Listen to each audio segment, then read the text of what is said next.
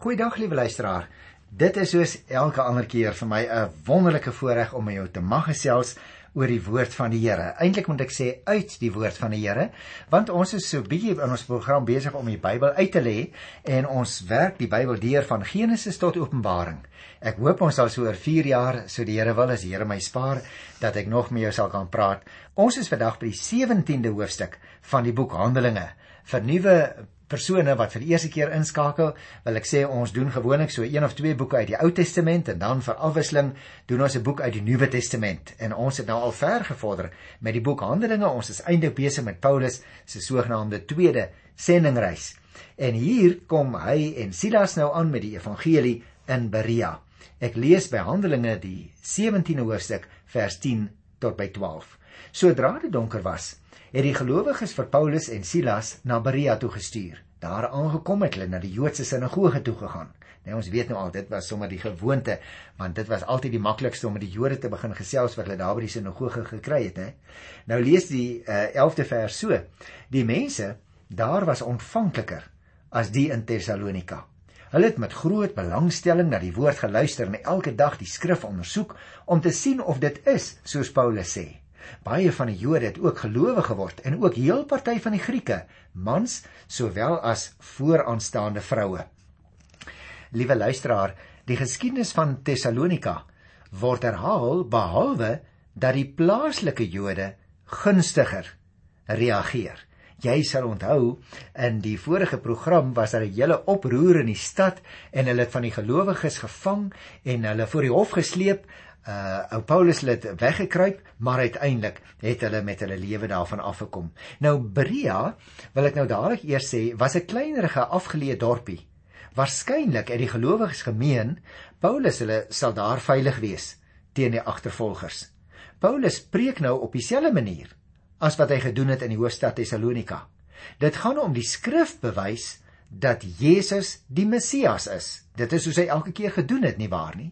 Die Jode van Berea stel nou die regte voorbeeld. Hulle het elke dag die skrif ondersoek. Dis 'n lekker mooi verandering nie waar nie, want gewoonlik wou die Jode nie luister na die evangelie nie. Maar hier sit hulle nou as dit ware met die Bybel in die hand. En luisteraars, dit is 'n wonderlike geheim. Dit help nie jy en ek hou ons slim nie. Mense wil nie daarna luister nie. Ons moet weet wat die woord van die Here sê. So hierdie Jode gaan sit nou daar by Paulus en Silas en as die apostels praat dan volg hulle wat daar in die skrifte neergepen is. En die gevolg is dat iets gebeur wat nie gewoonlik gebeur het nie. Naamlik dat baie van die Jode lees ons tot geloof gekom het en nog daarbey gevoeg heelwat Grieke sluit ook by die gemeente aan. Daarom wil ek weer eens in hierdie program van ons vir jou vandag onderstreep. Ons aanvaar die Bybel onvoorwaardelik as die geïnspireerde woord van God. Ons aanvaar alles wat daar staan as die waarheid. En broer en susters, soos Paulus in Efesiërs 6, daar by die 17de vers omtrent skrywe, die woord is die swaard van die gees. So sien ons dit nou hier in die praktyk, daar in die klein dorpie Berea op die platteland. Toe die Jode bereid is om met die woord van die Here in die hand te gaan sit terwyl Paulus dit vir hulle verduidelik. Wonderlik. Toe kom hulle tot geloof. Jy en ek moet onthou dat ons die woord van die Here sal bestudeer, dat ons gereeld sal lees, dat ons die woord kan aanhaal want die woord het krag. Die woord is die swaard van die gees. En daarom kom die vraag ook by mense op, né? Hoe beoordeel jy en ek die boodskap of die preek wat ons hoor? Want hier die mense van Berea het die skrif gereeld bestudeer om vas te stel of die dinge wat hulle hoor waar is of vals. Meer die dinge wat jy hoor, ook altyd aan die Bybel, liewe luisteraar. Jy sien 'n prediker wat werklik God se boodskap oordra, sal nooit iets sê wat strydig is met dit wat in die woord staan nie. En hy sal ook nie probeer om enige iets uit die Bybel weg te redeneer nie. Want as ons ontzag het vir die woord, ek wil so sê, as ons ontzag het vir die gesag van die woord, dan sal die verkondiging van die evangelie baie makliker gebeur terwyl baie selfs Christus gelowiges in ons tyd is wat die gesag van die woord betwyfel en bevraagteken. En jy sien dit was in die tyd van die Here Jesus alreeds so. Laat ons is hier 'n belangrike les leer vandag. Hierdie ouens sit met die Bybel in die hand as Paulus preek en uiteindelik kom hulle tot geloof. Ek wonder hoeveel van ons lidmate altyd met die woord van die Here oop sit voor hulle terwyl die woord verkondig word om te kontroleer of die prediker werklik sê wat daar staan maar ook, liewe luisteraar, om nie net met die oor te hoor nie, maar ook met die oog te sien. Met ander woorde, twee van ons 5 sensors neem die data in. Maak ons net soveel meer ontvanklik vir die woord van die Here, is dit nie waar nie? Nou, kom ek lees vers 13 tot 15. Toe die Jode in Tessalonika, nou moet jy mooi luister, egter hoor dat Paulus die woord van God ook in Berea verkondig, het hulle ook daar oproer gaan stook en die mense opgesweep. Miskien moet ek net sê as jy nou nie verlede keer se program ge gehoor het nie. In die vorige program in die groot stad Tessalonika wat die hoofstad was van daardie gebied. Daar is daar oproer gestook deur die Jode. En nou lees ons hier dat toe die Jode in die klein dorpie Berea op die platteland positief reageer en die berig kom nou daar by die klomp aan in Tessalonika. Toe het hulle begin om ook daar in Berea te gaan en daar ook die mense te begin opsweep. Nou luister wat sê die 14de vers. Die gelowiges het dadelik vir Paulus na die kus toe laat wegbring. Maar Silas en Timoteus het daar agter gebly. Die mense wat vir Paulus begelei het, het hom tot by Athene gebring en toe teruggegaan met die opdrag van Paulus aan Silas en Timoteus om so gou as moontlik ook na hom toe te kom.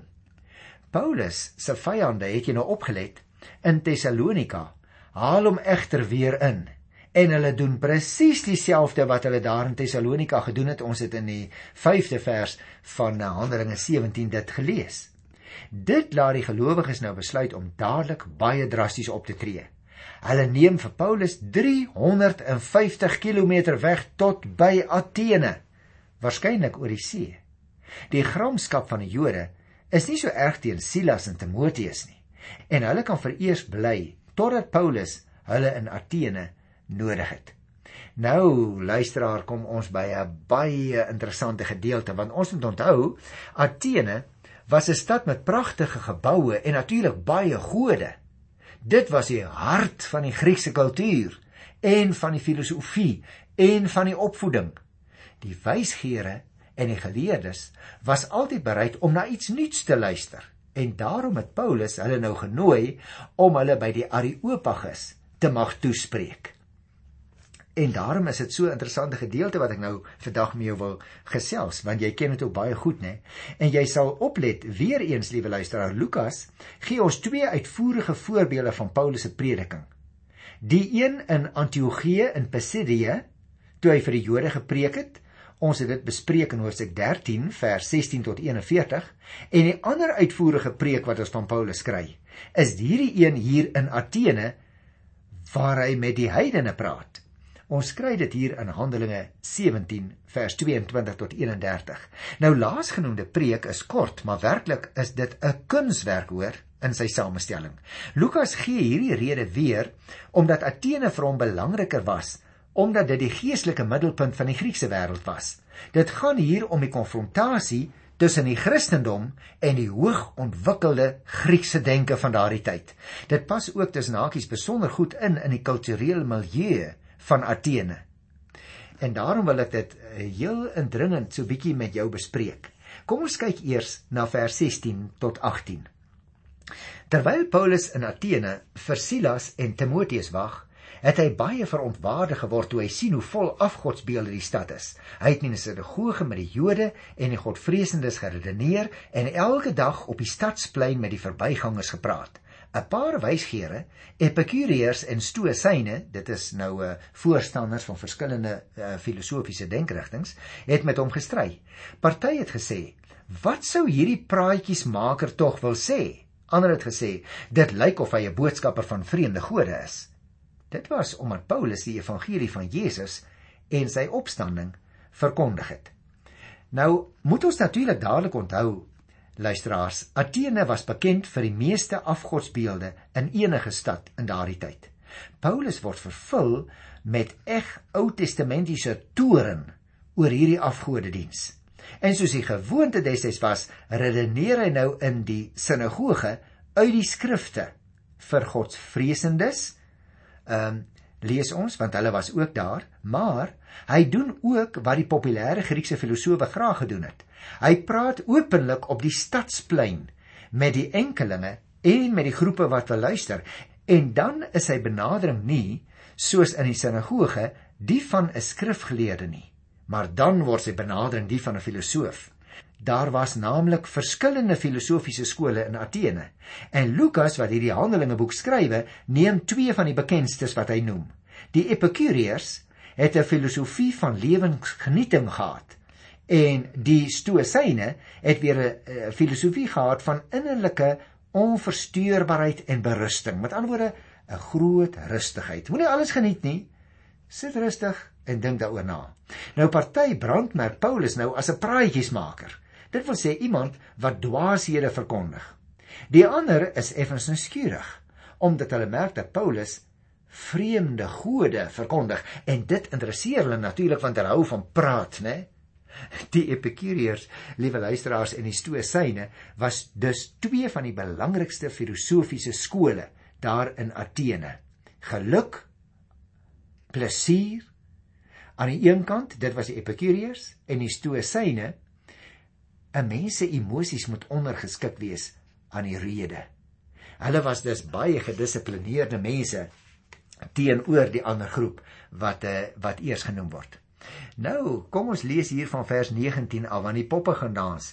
Hulle het toe vir Paulus na die Areopagus toe geneem en gesê: "Kan ons te wete kom wat hierdie nuwe leer is wat jy verkondig?" Party van die dinge wat jy sê klink vir ons vreemd en ons wil graag weet wat dit beteken. Die Ateners in die algemeen en die uitlanders wat daar gewoon het, merk Lukas nou op, het hulle tyd aan niks anders bestee nie as om iets nuuts te sê of te hoor. So dit is nou uh dink ek belangrik dat ons die breë prentjie sal kry. En dit begin hier En daarom wil ek uh, so 'n bietjie 'n paar breër opmerkings ook nou maak oor hierdie gesprek wat Paulus te gaan voer. Want jy sal opmerk, liewe luisteraar, die mense wat nuuskierig was oor wat Paulus te leer gehad het na die Areopagusheuwel wat oor die stad uitkyk en waar hulle rustiger as op die stadsplein na hom kon sit en luister. Daar was naamlik in Athene 'n raad wat veral as geregshof opgetree het en wat gereeld op die Areopagus heuwel hulle vergaderings gehou het. Terwyl Paulus nou besig was om vir die mense van die enige en die ware God te vertel, kom hierdie mense almal kyk van oor die stad af kom hulle. En hulle is baie bewus natuurlik van hulle afgodsbeelde want dit is vir hulle baie mooi hierdie afgode wat volgens Paulus eintlik leweloos en niks werd is nie. En daarom as ek die res van die uh, hoofstuk gaan behandel, dan moet jy opmerk, Paulus was baie goed voorberei om juis hierdie mense te konfronteer met argumente. Hy het natuurlik, sal jy nog onthou, oorspronklik van Tarsus afgekom, 'n stad met goeie opvoedkundige geriewe, en dus het Paulus die agtergrond en die kennis gehad om oortuigend en duidelik vir hulle te sê waaraan hy glo.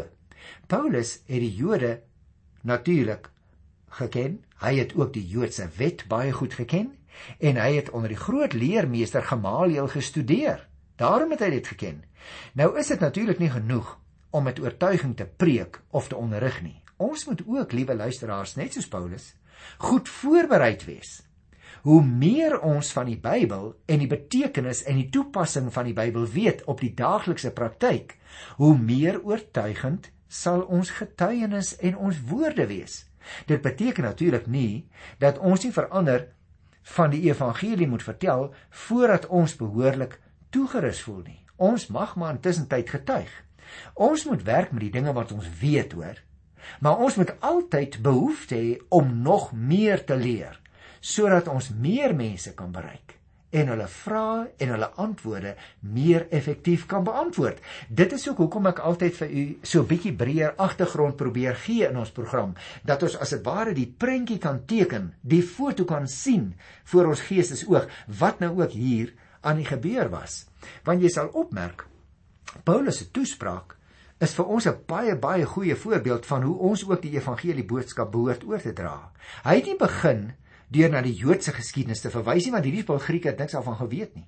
Hoewel hy dit gewoonlik gedoen het, het hy hier afgewyk van sy gewone patroon, want hy besef dat hierdie Grieke eintlik hoegenaamd nie geïnteresseerd is in die Joodse volk waaruit Paulus gekom het nie.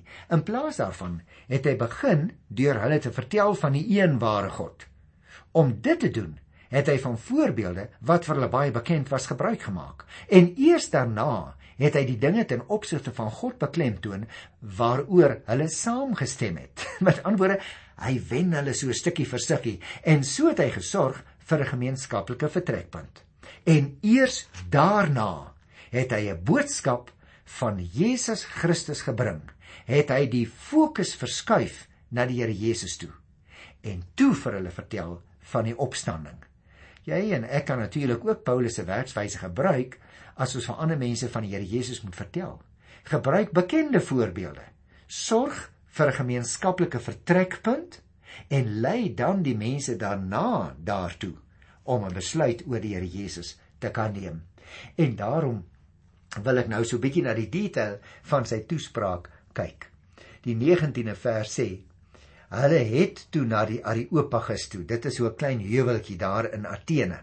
Miskien was sommige van die luisteraars ook al daar. Dit is glad nie 'n indrukwekkende heuweltjie nie, is daar naby die naby die mark, maar dit was dus 'n baie bekende plek. In die heuweltjie uh, lig jou net so bietjie op. As ek nou sê heuweltjie, uh, liewe luisteraar, ek kan nou nie sê hoe hoog hy is nie. Ag, kom ons sê 5 of 6 meter.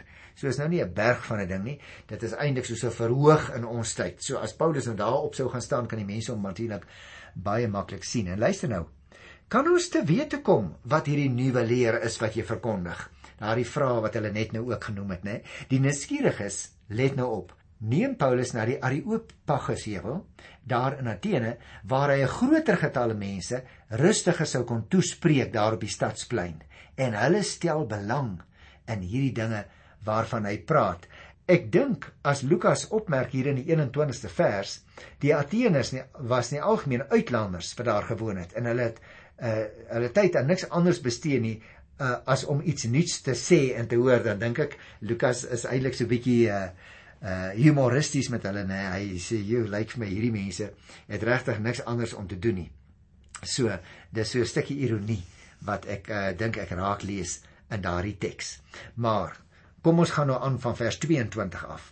Paulus het toe in die middel van die Areopagus gaan staan en gesê: "Ateners, ek sien dat julle in alle opsigte baie godsdienstig is." Merk jy op, liewe luisteraar, hoe ek vir jou probeer sê dit net nou, let op na sy styl. Hy wen hulle. Hy sê ek sien julle is godsdienstig. Hy sê: "Terwyl ek deur julle stad loop en kyk na die plekke waar julle aanbid, het ek ook 'n altaar gekry waarop geskrywe staan aan 'n onbekende God." Nou ja, wat julle aanbid sonder om daarvan kennis te hê, verkondig ek aan julle. Jy sien luisteraar, wat hy dus doen, hy sluit by hulle baie gode aan, maar hy trek dan die fokus van die kamera in. Hy sê julle aanbid wat julle nie weet nie. Hy begin dus baie positief. Hy sien dat hulle baie belangstel in godsdienstige sake en hierdie godsdienstigheid En hoor die verskil luisteraar, godsdienstigheid kan 'n gevaarlike ding wees as dit nie oor die ware godsdienst gaan nie.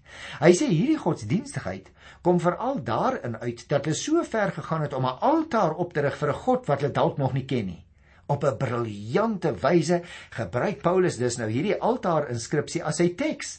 Hy sê hy gaan die probleem wat die Ateners alself raak gesien het vir hulle so bietjie oplos sê hy. In sy argumentasie uh begin hy dus met die altaar vir die onbekende God. Jy sien, Paulus het vir die geleerde mense van Athene van die ware God vertel. Want ondanks hulle godsdienstigheid het hulle die ware God nie geken nie. Nou natuurlik, jy en ek leef ook in wat ons gewoonlik noem 'n Christelike gemeenskap. En tog, liewe luisteraar, tog is daar baie mense wat die Here nog nie ken of wat hom nie werklik dien nie. Ons moet vir hulle vertel wie hy is. Vir almal sê dat hy die seun van God is. Ons mag nie sommer aanvaar dat almal dit weet nie, maar ook as hulle sê hulle weet dit, dalk dien hulle hom nie. Daarom moet ons leer by Paulus hierso. Hy begin by wat vir hulle bekend is. Hy begin nie sommer net om hulle dadelik aan te val nie. Luister nou op vers 24. God, die wêreld met alles wat daarin is, gemaak het, hy is die Here van hemel en aarde en hy woon nie in tempels wat deur mense gemaak is nie. Hy het ook nie nodig dat mense hom versorg nie. Inteendeel, dit is hy wat aan almal lewe en asem en alles gee. Ek sou nou wou sê, liewe luisteraars, dis asof Paulus vir hulle van die algemene genade van God wil vertel. Maar hy gebruik nie daai groot woord wat ons dominees gebruik nie? Want wie weet nou wat is algemene genade? Hy sê ek wil vir julle vertel van die God wat vir almal laat lewe, wat vir almal kos gee, wat sy genade oor almal uitgiet. Met ander woorde, Hierdie ouens, stel ek my voor, liewe luisteraars, hulle sit daar, hulle skud hulle koppe op en af. Hulle verstaan wat hierdie man vir hulle sê, want hulle het ook mos behoefte aan kos, aan die sonskyn, aan die water wat jy en ek nodig het. En so begin Paulus met hulle te praat. In 'n sekere sin is hy besig om hulle harte sag te maak, om hulle voor te berei vir die evangelie. En nou kom hy by vers 26. Hy sê uit een mens het God al die nasies gemaak. Hy het hulle gemaak om oor die hele aarde te woon. Hy het bepaal hoe lank hulle sal bestaan en waar hulle sal woon. God het hulle gemaak om hom te soek. Al sou hulle ook moes rondtas om hom te vind. Hy is nie ver van enige een van ons af nie, want deur hom lewe ons en beweeg ons, bestaan ons. Of luister weer hoe sluit hy aan. Of soos party van julle digters ook gesê het, ons stam ook van hom af. Jy sien liewe luisteraars, Paulus soek dus die gemeenskaplike raakpunt in die Christelike boodskap en in hulle godsdiens. Want hulle glo ook aan iemand wat hulle gemaak het. En Paulus wil by daai punt uitkom, maar hy sê nie eers vir hulle hoor jy ek wil vir julle preek maar alles wat julle dink is verkeerd nie. Hy sluit by hulle aan. Vers 29. Aangesien ons aanself van God afstam, moet ons nie dink dat die godheid aan beelde van goud en silwer en klip gelyk is nie. Dit is bloot skepinge van menslike vaardigheid en verbeelding. God het die tye van onkunde oorgesien, maar nou roep hy al die mense oral oor om hulle tot hom te bekeer, want hy het 'n dag bepaal waarop hy regverdig oor die wêreld gaan oordeel deur 'n man wat hy uitgekies het. As bewys daarvan vir almal, het hy hom uit die dood laat opstaan. Die Here Jesus word dus, wil ek amper sê, geleidelik ingevoer in hierdie preek met hierdie mense. En ons moet oplet. Paulus se boodskap was voltooid en afgerond. Hy het vir sy toehoorders vertel van Jesus se opstanding en gesê dat dit iets is in die lewe van elke mens. Is dit belangrik? Dit is of 'n seën of dit lei tot oordeel. Nou natuurlik, ons moet onthou, die Grieke het nie geweet van iets soos oordeel nie. Die meeste het verkies om hulle gode te aanbid en hulle wou nie net een aanbid nie en die gedagte aan die opstanding uit die dood was net vir hulle nie alleen ongelooflik nie maar ook aanstootlik. En op daardie punt sê vers 32 toe hulle van die opstanding uit die dood hoor het party hom uitgelag maar party het gesê ons sal jou weer hieroor wil hoor. En so het Paulus dan van hulle af weggegaan Dis belangrik, liewe luisteraar, die Grieke is vas aan alle menslike wysheid. En as hulle nou hoor van die opstanding uit die dood wat hulle nie met hulle verstand kan verklaar nie, dan wil hulle nie daarna luister nie. Hulle het verskillende maniere gereageer. Party het hom uitgelag, ander wou nog 'n bietjie meer weet.